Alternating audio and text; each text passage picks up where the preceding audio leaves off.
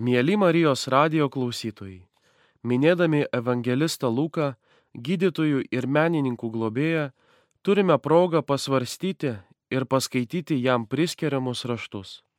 Trečiosios Evangelijos Naujo testamento autorius Lukas, Syras iš Antiochijos, buvo įkveptas Dievo dvasios ir tapęs Jėzaus sėkėjų, perteikė žinę apie viešpati Jėzų. Pagal profesiją gydytojas, kultūringas žmogus, puikiai mokėjęs graikų kalbą, Lukas buvo Pauliaus mokinys ir anksti, maždaug nuo 40 metų, atsivertė į krikščionybę iš pagonių. Jis lydėjo Paulių jo antroje kelionėje - iš Troados į Filipus. Pasiliko ten keliarius metus, kol trečiosios kelionės pabaigoje vėl prisijungė prie Pauliaus. Jis liko su apaštalu, kai šis buvo įkalintas Cezarėjoje. Buvo su juo nuotikiu kupinoje kelionėje iš Cezarėjos į Romą ir pirmosios Romos nelaisvės metu. Galime būti tikri, kad Lukas savo Evangeliją parašė po mato aramėjiško originalo ir tikrai po morkaus. Tačiau nustatyti tikslę datą nėra taip paprasta. Pasak popiežiškosios Biblijos komisijos, Evangelija pagal Luką turėjo būti parašyta prieš Jeruzalės sugriovimą 70 metais. Kadangi ji buvo parašyta prieš apaštalų darbus, o apaštalų darbai baigėsi Pauliaus tarnystės aprašymu, baigiantis jo pirmajam nelaisvės Romoje laikotarpiu, Šią Evangeliją galima datuoti vėliausiai 62 metų pabaiga arba 63 metų pradžia. Ta pati komisija patvirtino trečiosios Evangelijos įkveptumą ir kanoniškumą bei jos autentiškumą. Dėl kai kurių konkrečių dalykų ji taip pat teigia, kad negalima abejoti Luko pasakojimo apie Kristaus kūdikystę, apie angelo pasirodymą jam paguosti ar apie tai, kad jis prakaitavo krauju. Įkvėpimu ir autentiškumu taip pat nėra rimtų priežasčių, leidžiančių teikti, kad šie pasakojimai nepriklauso autentiškai Luko Evangelijai, kai bando įrodyti kai kurios ankstyvosios erezijos, palaikomos kai kurių šio laikinių kritikų. Lukas nebuvo mūsų viešpaties gyvenimo liudytojas, todėl įvadę nurodydamas šaltinius, kuriais rėmėsi, jis įvardė tuos, kurie nuo pat pradžių buvo liudytojai ir žodžio tarnai, tarp kurių labiausiai išsiskyrė švenčiausiai mergelė Marija. Būtent ji turėjo suteikti didžiąją dalį informacijos, kurią Lukas pateikė pirmose savo Evangelijos skyriuose. Lukas mėgo teisingai nustatyti tvarką ir chronologiją, ne vien tam, kad patenkintų savo ar kieno nors kito smalsumą, bet ir tam, kad perduotų kitiems būtent tai, ką viešpats norėjo, kad jis parašytų, tai yra tiesa apie tai, kas jums pranešta. Tikrąją mūsų išganimo istoriją. Būtent tai yra jo Evangelijoje ir tas pats pasakytina apie apaštalų darbus. Nors šios dvi knygos yra savarankiškos, Jos sudaro tobulą doktrininę ir literatūrinę vienovę. Kalbant apie jo literatūrinį stilių, galime pastebėti, kad Lukas kur kas geriau nei bet kuris kitas evangelistas supranta graikų kalbos gramatiką. Šventasis Jeronimas, vertęs šventą raštą į lotynų kalbą, į tai atkreipė dėmesį. Lukas, suvokdamas, kad kreipėsi į pagonių kilmės žmonės, jis paprastai vengia išsireiškimų, kurie jiems gali pasirodyti trikdantis ir kai tik įmanoma, vartoja graikiškus, aramėjiškų terminų atitikmenis. Tai viena iš priežasčių, kodėl jis nutylė kai kurias temas, kurios jos skaitytojams galėjo skambėti netaktiškai. Lukas pabrėžia tam tikrus specifinius doktrinos aspektus. Pirmiausia, jis pabrėžia išganimo darbo, Dievo pradėto Senajame testamente ir užbaigto Naujajame testinumą. Tai jis daro užrašydamas keletą labai daug atskleidžiančių faktų. Pirma, Arkangelo Gabrieliaus pranešimą apie Jono Krikščito gimimą. Zacharijui, kunigui tarnavusiam šventykloje, senojo įstatymo nustatytų aukojimo metu. Šios scenos veikėjų vardai ypač reikšmingi. Jono kaip viešpaties pirmtako, busimasis vaidmuo, apie kurį pranašavo pranašas Malachijas ir kuris dabar pristatomas kaip įvykdytas faktas. To paties angelo Gabrieliaus pranešimas apie malonės kupinos Marijos mergeliškai pradėjimą. Šventosios dvasios gale ji pradės patį gelbėtoją. Tai tiesiogiai susijęs su krikštytojo, jo pirmtako pradėjimu. Visi šie įveikiai kalba apie testinumą. Jie susiję praeitį su dabartimi, pažada su įsipildymu. Pažadėtasis Mesijas, šimtmečius pildęs patriarchų ir pranašų bei visos žydų tautos viltis, yra tas, kuris dabar įžengia į žmonijos istoriją, kad atneštų išganimą. Sinoptinėse Evangelijose Jėzaus istorija pateikiama nepaliekant erdvės tarp pasakojimo autoriaus perspektyvos ir Jėzaus asmens, jo gyvenimo ir misijos portreto. Nusakant daugelypius Jėzaus ryšius su Dievu, Evangelijose netiesiogiai visada per Jėzaus asmenį ir jo apreiškiamąją bei išganomąjį vaidmenį parodomas jų pačių ryšys su Dievu ar kilmė iš Dievo. Tik evangelistas Lukas pradeda du savo darbo tomus įžangą. Ja galime perskaityti Luko pirmajam skyriuje nuo pirmos iki ketvirtos eilutės ir apaštalo darbuose pirmajam skyriuje pirmoje eilutėje. Autorius savo pasakojimą susiję su ankstesnėmis apaštališkosios tradicijos pakopomis. Savo kūrinį jis laiko apaštališkojo liūdėjimo apie Jėzų bei išganimo istoriją dalimi, liūdėjimo prasidėjusio sulik pirmais Jėzaus sekėjais. Skelbto pirmais apaštalų pamokslais ir dabar Luko Evangelija tęsiamo naujų pavydalų Šitaip Lukas aiškiai parodo savo Evangelijos ryšį su Dievu, apreiškėjų Jėzumi ir patvirtina savo darbo apreiškiamąją autoritetą. Luko raštijoje daugeliu įstringa gailestingumo tema. Būkite gailestingi, kaip ir jūsų tėvas gailestingas. Tai ne tik pagauli frazė, bet ir gyvenimo užduotis. Kad gerai suprastume šį pasakymą, galime palyginti jį su paraleliniu tekstu iš Mato Evangelijos, kur Jėzus sako, būkite tokie tobuli, kaip jūsų dangiškasis tėvas yra tobulas. Palaiminimais prasidedančiame kalno pamoksle viešpats moko, kad tobulumas glūdi meilėje, kuri yra visų įstatymų nurodymų pilnatvė. Šio požiūriu šventasis Lukas paaiškina, kad tobulumas yra gailestinga meilė Būti tobulam reiškia būti gailestingam.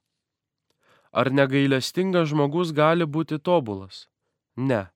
Ar negailestingas žmogus yra geras? Ne.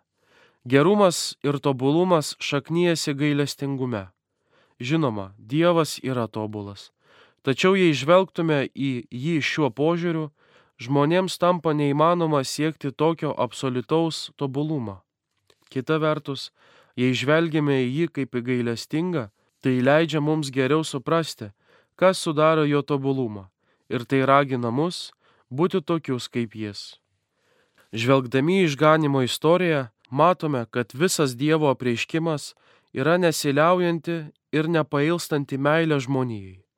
Dievas yra kaip tėvas ar motina, mylintis begalinę meilę ir gausiai išliejantis ją kiekvienam kūriniui. Jėzaus mirtis ant kryžiaus yra Dievo meilė žmogui istorijos kulminacija. Ši meilė tokia didelė, kad tik Dievas gali ją įgyvendinti. Aišku, mūsų meilė palyginti su šią neišmatuojamą meilę, visuomet stokojanti. Tačiau, kai Jėzus kviečia mus būti gailestingus kaip tėvas, jis neturi omenyje kiekybės. Jis kviečia savo mokinius tapti jo gailestingumo ženklais kanalais, liudytojais. Bažnyčia te gali būti Dievo gailestingumo sakramentas pasaulyje visais laikais ir visai žmonijai. Todėl kiekvienas krikščionis yra pašauktas būti gailestingumo liudytojų ir tai vyksta einant šventumo keliu. Pamastykime apie daugybę šventųjų, kurie tapo gailestingi, nes leidosi, kad jų širdis būtų pripildytos dieviškojo gailestingumo. Jie įkūnijo viešpaties meilę, išlėdami ją į kenčiančio žmonijos daugeriopus poreikius. Gailestingosios meilės išsiskleidimas daugybę formų leidžia atpažinti gailestingai Kristaus veidą. Galime paklausti savęs, ką reiškia mokiniams būti gailestingiems. Jėzus tai paaiškina dviejais veiksmažodžiais - atleiskite ir duokite. Pirmiausiai gailestingumas reiškiasi atleidimu. Neteiskite ir nebusite teisiami. Nesmerkite ir nebusite pasmerkti. Atleiskite ir jums bus atleista. Jėzus nesiekia sumenkinti žmogiškojo teisingumo, tačiau primena savo mokiniams, kad norėdami broliškų santykių, jie turi susilaikyti nuo teismo ir pasmerkimo. Atleidimas yra šūlas, laikantis visą krikščionių bendruomenės gyvenimą, nes parodo mums tą dovanai duotą Dievo meilę, kurią Jis mus pirmas pamilo. Krikščionis privalo atleisti. Kodėl? Nes jam buvo atleista. Visiems mums, susirinkusiems šioje aikštėje, buvo atleista. Tarp mūsų nėra ne vieno, kuriam gyvenime nebūtų reikėję Dievo atleidimo. Kadangi mums buvo atleista, mes privalome atleisti. Tai kartojame kasdien, tėve mūsų maldoje. Atleisk mums mūsų nuodėmės, atleisk mums mūsų kaltes, kaip ir mes atleidžiame savo kaltininkams. Tai reiškia atleisti įžeidimus, atleisti daugelį dalykų, nes mums buvo atleista dėl daugelio įžeidimų, dėl daugelio nuodėmių. Šitaip lengva atleisti. Jei Dievas man atleido, kodėl aš neturėčiau atleisti kitiems? Ar aš didesnis už Dievą? Šis atleidimo šūlas parodo mums dovanai duodamą Dievo meilę, kurią Jis pirmas mus pamilo. Teisti ir smerkti nusidedantį brolį yra neteisinga. Ne todėl, kad mes nenorime pripažinti nuodėmės, bet todėl, kad smerkiant nusidėjėlį, sutraukamas broliškumo ryšys su juo ir drauge paniekinamas Dievo, nenorinčio atmesti ne vieno iš savo vaikų gailestingumas. Nesame įgalioti smerkti klystančio brolio, nesame viršesni už jį. Veikiau esame įpareigoti atkurti jo kaip tėvo vaiko orumą ir lydėti jį atsivertimo kelyje. Jėzus taip nurodo paraginimą mums, kurie esame jo bažnyčia. Tai kvietimas duoti. Atleidimas yra pirmasis paraginimas, davimas yra antrasis raginimas. Duokite ir jums bus duota. Kokiu saiku seikite, tokiu jums bus atseikėta. Dievas duoda kur kas daugiau, negu mes nusipelnome, bet Jis nori būti dar dosnesnis tiems, kurie buvo dosnų žemėje. Jėzus nesako, kas atsitiks neduodantiems, tačiau saiko įvaizdis yra įspėjantis. Tuo saiku, kokiu duodame, mes patys nustatome, kaip būsime teisiami, kaip būsime mylimi. Įdėmiau pažvelgus, čia nuosekli logika tokiu saiku, kokiu gauni iš Dievo, duodi savo broliui. Ir tokiu saiku, kokiu duodi savo broliui, gauni iš Dievo. Lukui priskiriama ne tik Evangelija, bet ir apaštalų darbų knyga. Lukas duoda suprasti, kad apaštalų darbuose jis pasakoja apie savo akimis mačiusiųjų ir žodžio tarnų, nuo kurių priklauso Jėzaus darbų vaizdavimas jo Evangelijoje veikla po Velykų. Lukas kaip savo Evangelijos šaltinį aiškiai įvardė tuos, kurie nuo pradžių savo akimis matė ir buvo žodžio tarnai. Šitaip užsimindamas, kad jo Evangelija kyla iš Jėzaus, Dievo tėvo galutinio ir didžiausio prieškėjo. O apaštalų darbų knygos ištakų ir jos kilmės iš Dievo taip pat aiškiai nepateikia. Tačiau Pažymėtina, kad apaštalų sąrašo vardai nurodyti apaštalų darbų pirmajame, tryliktame ir Luko šeštajame, keturioliktame, penkioliktame, šešioliktame skyriuose. Sutampa ir kad apaštalų darbuose išryškinama jų kaip savo akimis regėjusių liudytojų kokybė, bei užduotis būti Dievo žodžio tarnais. Tad Lukas apaštalų darbuose aprašo veiklą tų, apie kuriuos kalbama. Luko pirmajame ir antrajame skyriuose. Galima daryti prielaidą, jog Lukas sužinojo apie jų veiklą. Lygiai taip rūpestingai, kaip ir per juos ištyrė Jėzaus veiklą. Pagrindinis argumentas laikyti apaštalų darbus kilus iš Dievo yra tų regėjusių liudytojų bei Dievo žodžio tarnų tiesioginis asmeninis ryšys su Jėzumi.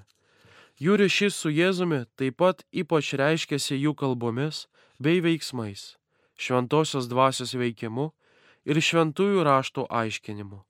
Konkrečiai aptarsime įvairius elementus, liūdinčius apaštalų darbų knygos kilmę iš Dievo nes Naujajame testamente neginčiamas apaštalų tiesioginis asmeninis ryšys su Jėzumi. Apaštalų darbų knygoje pasakojama, kaip apaštalai, pirmiausia Petras ir Paulius, skelbia Evangeliją. Pradžioje Lukas pateikia sąrašą su Petro ir kitų dešimties apaštalų vardais. Šis vienuolika yra bendruomenės, kuriai pasirodo prisikėlęs viešpats branduolys ir yra pagrindinis tiltas tarp Luko Evangelijos ir apaštalų darbų knygos.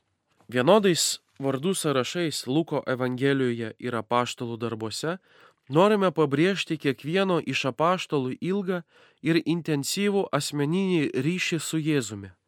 Tokia privilegija jiems teko Jėzaus veikimo laikotarpiu ir tai padaro juos pagrindiniais apaštalų darbų veikėjais. Tie apaštalai taip pat yra Jėzaus pašnekovai bei stalo draugai iki jo paėmimo į dangų. Jiems jis pažadėjo šventosios dvasios galybę ir paskyrė juos savo liudytojais, lik pat žemės pakraščių. Visi šie duomenės remia prielaidą, kad apaštalų darbų pasakojimas kyla iš Jėzaus ir Dievo.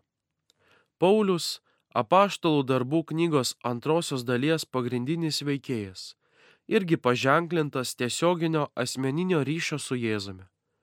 Jo susitikimas su prisikėlusiu viešpačiu perteikiamas bei iškeliamas aikštėn tris kartus. Pats Paulius aiškiai patvirtina, kad jo Evangelija iš Dievo. Aš neperėmiau jos iš žmogaus ir nebuvau jos išmokytas, bet gavau Jėzaus Kristaus apreiškimu. Knygos tekstai, kuriuose vartojamas įvardės mes, taip pat aiškiai skaitytojams liudija knygos autoriaus ryšį su Pauliumi ir per Paulių su Jėzumi.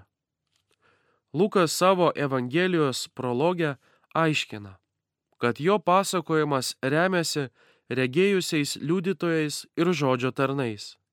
Galiausiai Jonas tvirtina savo akimis regėjęs Jėzaus darbus nuo pradžių ir pamokytas šventosios dvasios ir įtikėjęs Jėzaus dieviškąją sunystę, liūdėjo jo apreiškiamą į darbą.